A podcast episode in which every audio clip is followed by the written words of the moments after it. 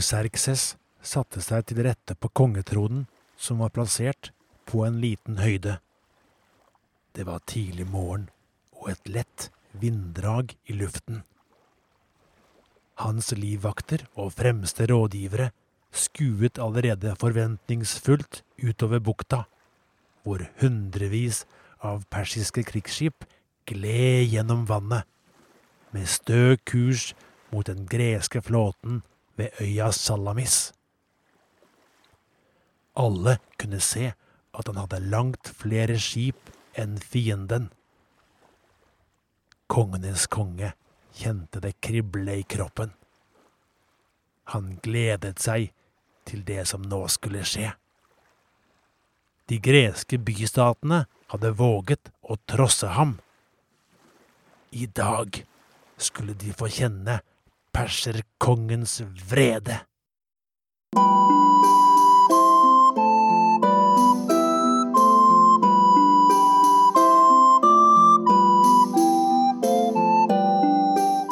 Velkommen til Helter og legender fra antikken, en podkast for unge. Episode 13 Perserkrigene To avgjørende slag. Fienden står i landet. Det er krig. I forrige episode hørte vi om persernes massive invasjon av Hellas i år 480 før Kristus. En invasjon som kan ha omfattet mer enn 100 000 soldater. 300 heltmodige spartanere og allierte greske styrker byr på tøff motstand i passet ved Termopylene, men de klarer ikke å stoppe overmakten. Perserne fortsetter invasjonen, og flere greske byer blir erobret og brent. I denne episoden skal vi høre om neste fase i den gresk-persiske krigen, og hvordan krigen endte. Så langt har vi fortalt om viktige slag på landjorda. Nå skal vi ta for oss krigføring på havet, særlig det berømte sjøslaget ved Salamis, en øy ikke langt fra Aten. Først må vi slå fast at skipsbygging og skipsfart var viktig i det gamle Hellas. Landet har en masse øyer, både store og små. Det var derfor helt nødvendig å ha gode båter for å frakte folk, mat og handelsvarer fra sted til sted. Ettersom årene gikk, ble grekerne ordentlig gode til å bygge skip, og greske sjøfolk var dyktige til å styre skipene og føre dem over lange avstander. Noen greske handelsfolk seilte så langt som til dagens Italia og Frankrike, hvor de grunnla helt nye byer. Flere av disse byene ble både rike og mektige. Skip var altså nyttig i handel, men de var også nyttige i krig. Grekerne bygde spesielle skip for dette, som ble kalt triremer. Da de innså at det ville bli krig mot Perserriket, trappet de opp byggingen av slike skip. Særlig skjedde dette i Aten, som skal ha sjøsatt 200 triremer på ganske få år. Man glemmer ofte at produksjon av utstyr til krig er en svær og dyr oppgave.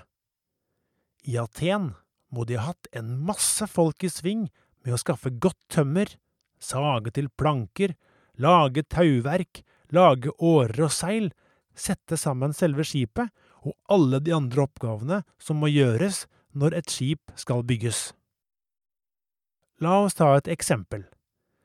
Hvis vi antar at hvert skip trengte ca 50 årer, betyr dette at de 200 nye skipene trengte totalt 10 000 årer. Et enormt tall! Og årene måtte lages og tilpasses for hånd, ved bruk av ganske enkle redskaper. Å bygge så mange skip som Aten trengte, må ha betydd at mange tusen mann var i sving fra morgen til kveld gjennom flere år. En trirem var en skikkelig krigsmaskin.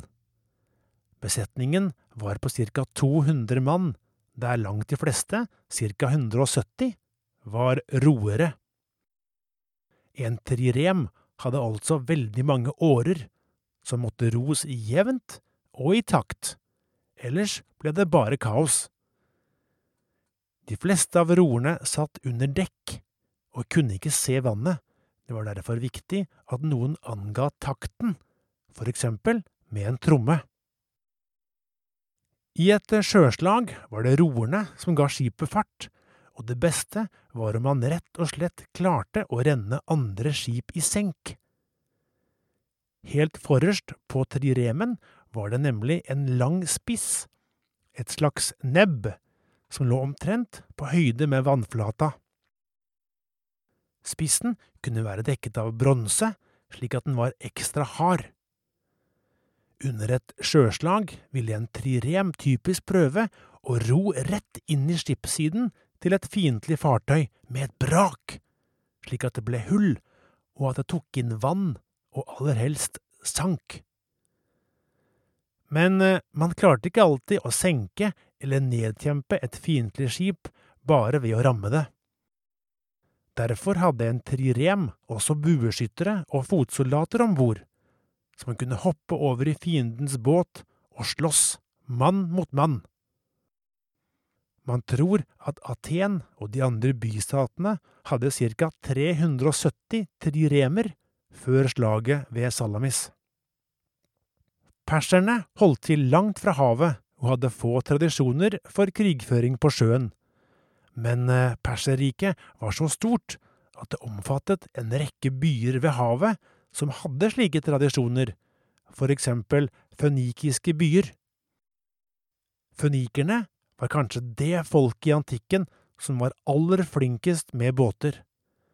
Men eh, perserne hersket også over egyptiske områder og mange gresktalende byer, og disse måtte stille opp med krigsskip i perserkongens tjeneste. Til sammen tror man at perserne hadde mellom 600 og 800 krigsskip. Igjen ser vi at perserne leder klart når det gjelder antall. De vant slaget ved Termopylene, og nå, bare kort etter, er de nok sikre på å vinne igjen. Vi er i år 479 før Kristus.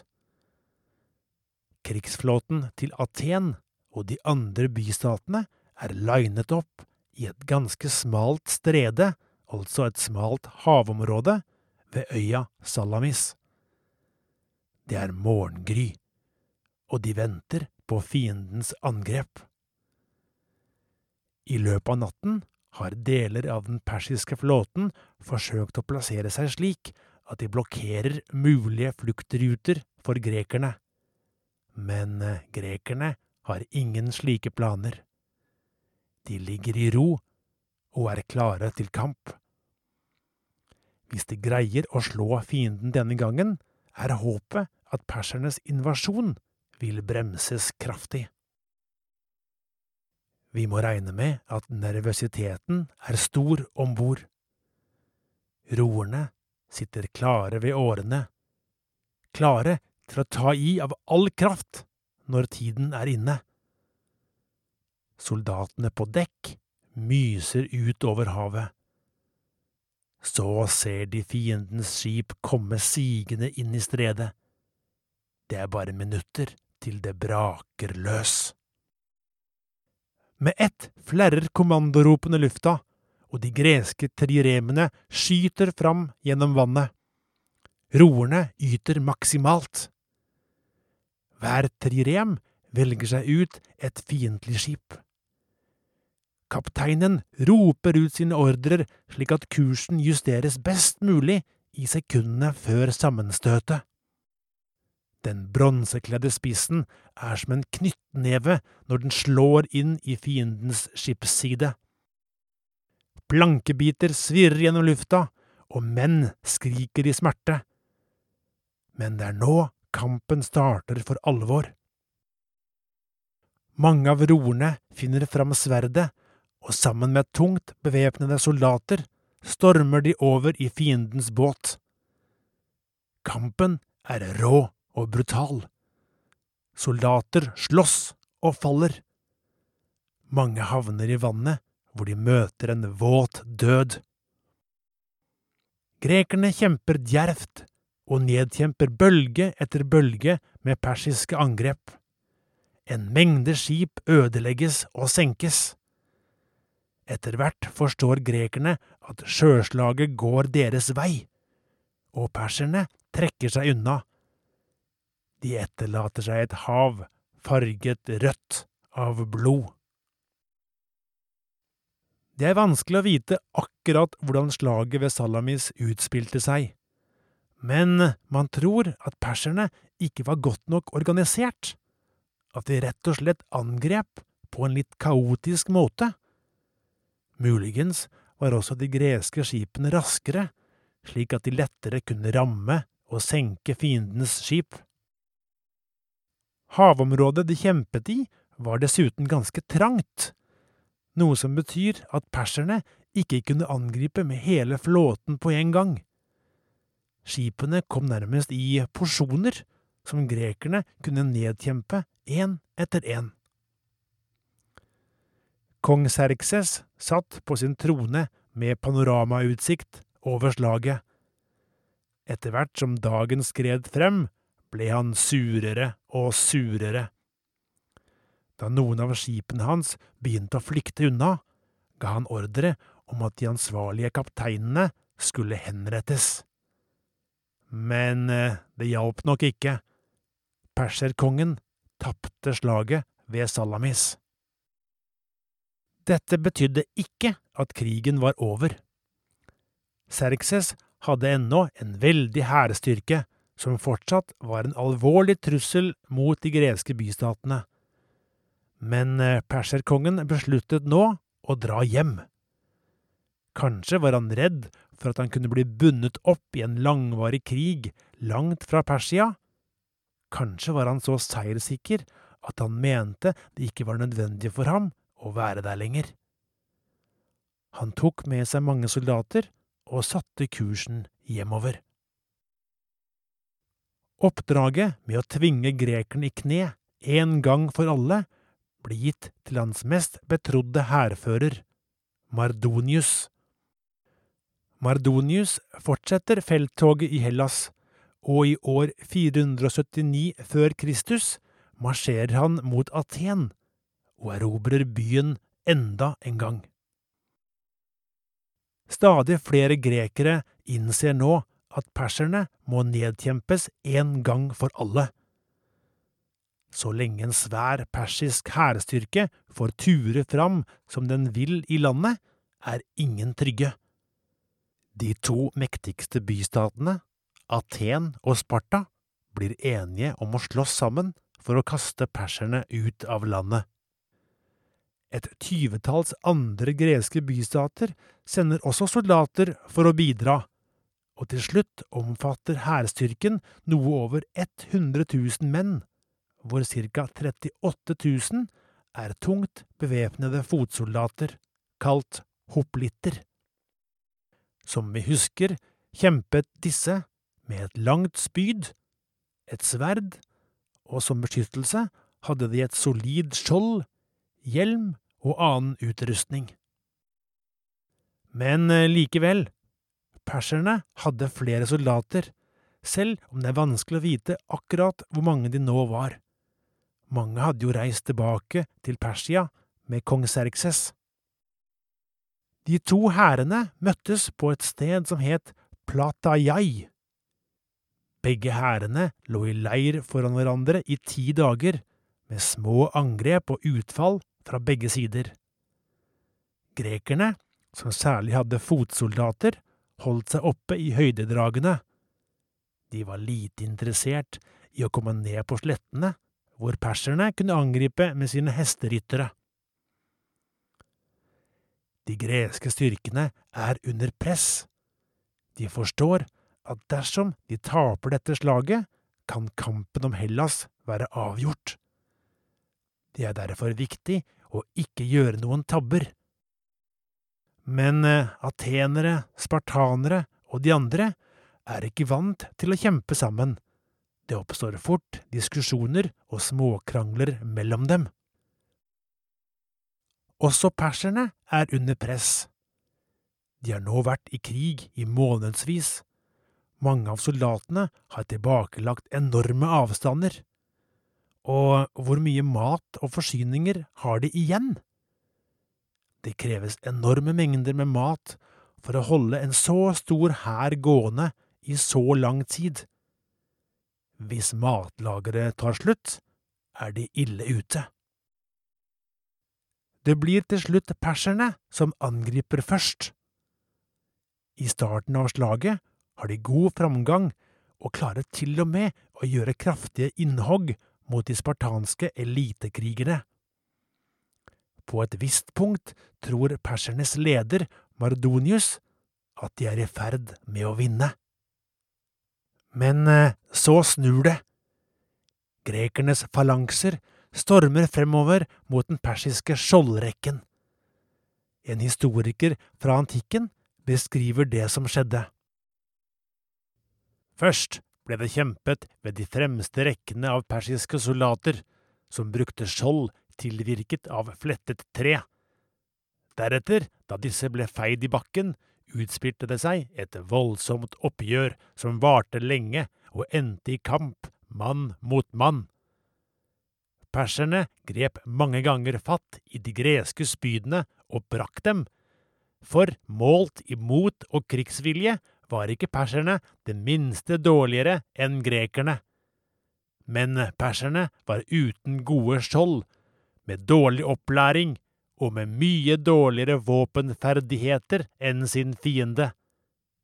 Én og én, eller i grupper på ti, styrtet de mot de spartanske rekkene, hvor de ble tilintetgjort. Vi forstår altså at perserne har dårligere beskyttelse, trolig også lettere våpen, og de er ikke godt nok trent i krig. Det virkelige vendepunktet kommer antagelig når deres leder Mardonius blir drept. Etter dette stuper de persiske soldatenes kampmoral, og mange flykter. Snart erobrer grekerne den persiske hovedleiren, hvor få slipper unna i live. Det blir en massakre. I leiren finner de også mange penger og verdisaker som perserne har etterlatt seg. Slaget ved Plataiai er en stor seier for Aten, Sparta og de andre greske bystatene. Perserriket og kongenes konge har lidd et alvorlig nederlag og kommer ikke til å prøve å erobre disse områdene igjen. Kanskje vi kan si at kong Serkses sin invasjon av Hellas var som å åpne Pandoras eske? Det som virket som et ganske enkelt felttog, viste seg å gi ham en masse problemer. I den første tiden etter slutten på krigen blir grekere som hadde kjempet med perserne, hardt straffet. Og ganske snart oppstår det en ny splid og etter hvert åpen krig mellom de bystatene som kjempet så godt sammen mot kong Serkses. Greske bystater kunne være skikkelig uvenner. Det var alt for denne gang. I neste episode tar vi en pause fra splid og krig og vender isteden blikket opp mot stjernehimmelen. Ha det godt!